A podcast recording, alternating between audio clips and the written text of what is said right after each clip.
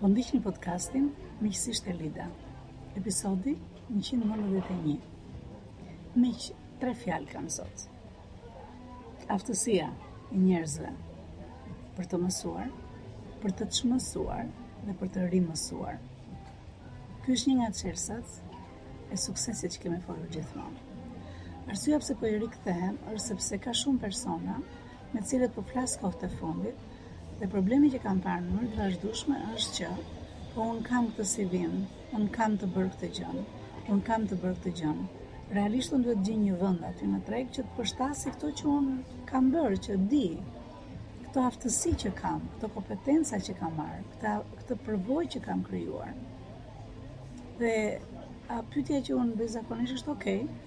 Kjo është një gjë shumë e mirë, të gjithë kërkojmë që në varësi të asaj që dim, të dalim në treg, e ta gjejmë. A po e gjen.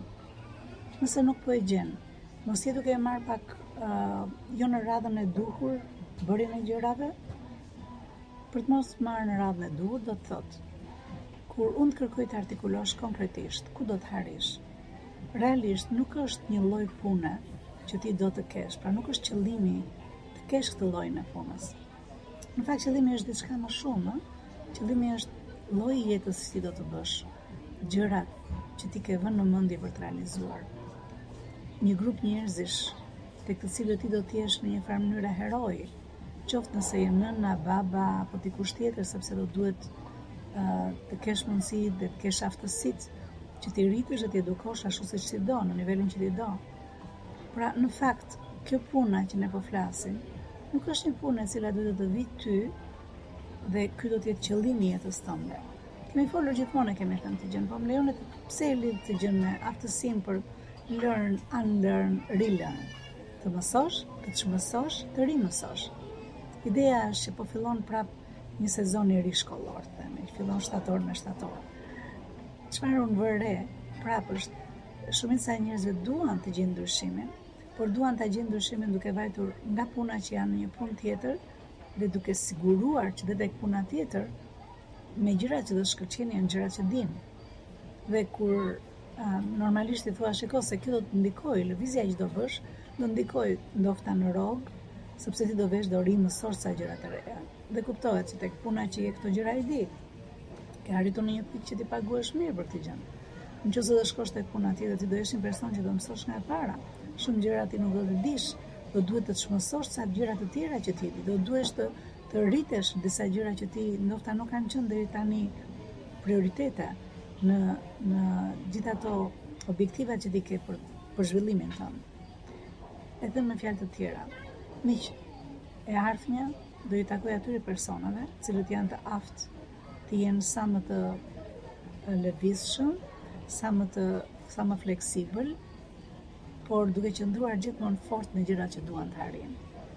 Pra nga ana strategjike, në qoftë se do ta thosha me fjalë të mëdha, janë persona të cilët duan të arrijnë, siç thashë, të jenë heroi i dikujt, të jenë ai prind i mirë, të jetë ai shoku apo shoqja e mirë, të jetë ai fëmija i mirë, duke arritur që të ketë një balans të mirë në jetën e vet, gjë që mund t'ia sigurojë karriera që ka.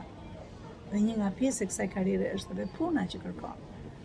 me qëllim që të realizohen këto, është shumë e rëndësishme të mbajmë mend që një nga detyrat tona të përhershme është të mësojmë, të çmësojmë ca gjëra që nuk na duhen, por dhe të rimësojmë ca gjëra të reja.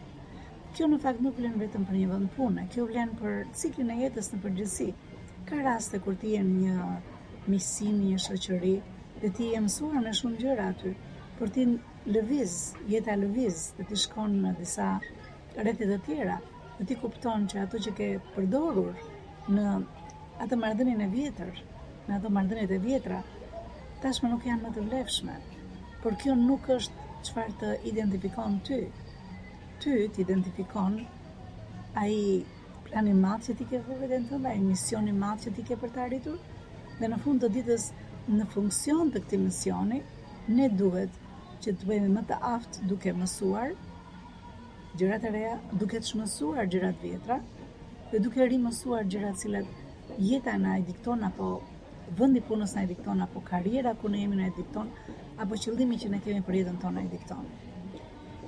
Duke uruar që t'i kem dhënë dikujt lejen që t'i japë mundësinë vetes të ndryshojë shumë gjëra. duke mos ndryshuar identitetin e vet. Siç thashë ne nuk jemi puna që bëjmë. Duke uruar gjithë bekimet e Perëndisë, shihemi në episodin tjetër. Miqësisht Elida. Mikeshë apo mik. Nëse ke arritur deri në fund të videos, kjo do të thotë që ti je një ndjekës yni i rregullt dhe ke interes në gjërat që ne bëjmë. Nëse është ky rasti, të lutem më kontaktoni. ne mund të futemi shumë mirë në një nga programet e mia dhe të marrim të shikojmë çfarë është gjëja që të të bën më shumë mirë ty në momentin që ti je në kryqëzimin e karrierës ku ti je në ecjen që ti ke bërë dhe jam e bindur, jam e bindur që ti mund t'i bashkohesh një armate të madhe njerëzish të suksesshëm me të cilët ne punojmë prej të cilëve ne në mënyrë të vazhdueshme secili nga ne mëson, por jo vetëm kaq. krijojmë një network, krijojmë një rrjetëzim që është i jashtëzakonshëm, kur kanë të njëjtën ide që ndahet, që është të qenit me mendje të hapur, të qenit i gatshëm të ndihmojmë njëri-tjetrin, dhe të qenit vazhdimisht në tregun e punës për të dhënë më të mirën tonë. Nëse është kjo që të ka sjellë tek podcasti im, të lutem më shkruaj, të lutem është shumë e kollaj të më gjesh, ndofta në Facebook, me Elida Motro, ndofta në Instagram që është Emi Coaching and Consulting e gjeni kollaj fare ose dhe në YouTube.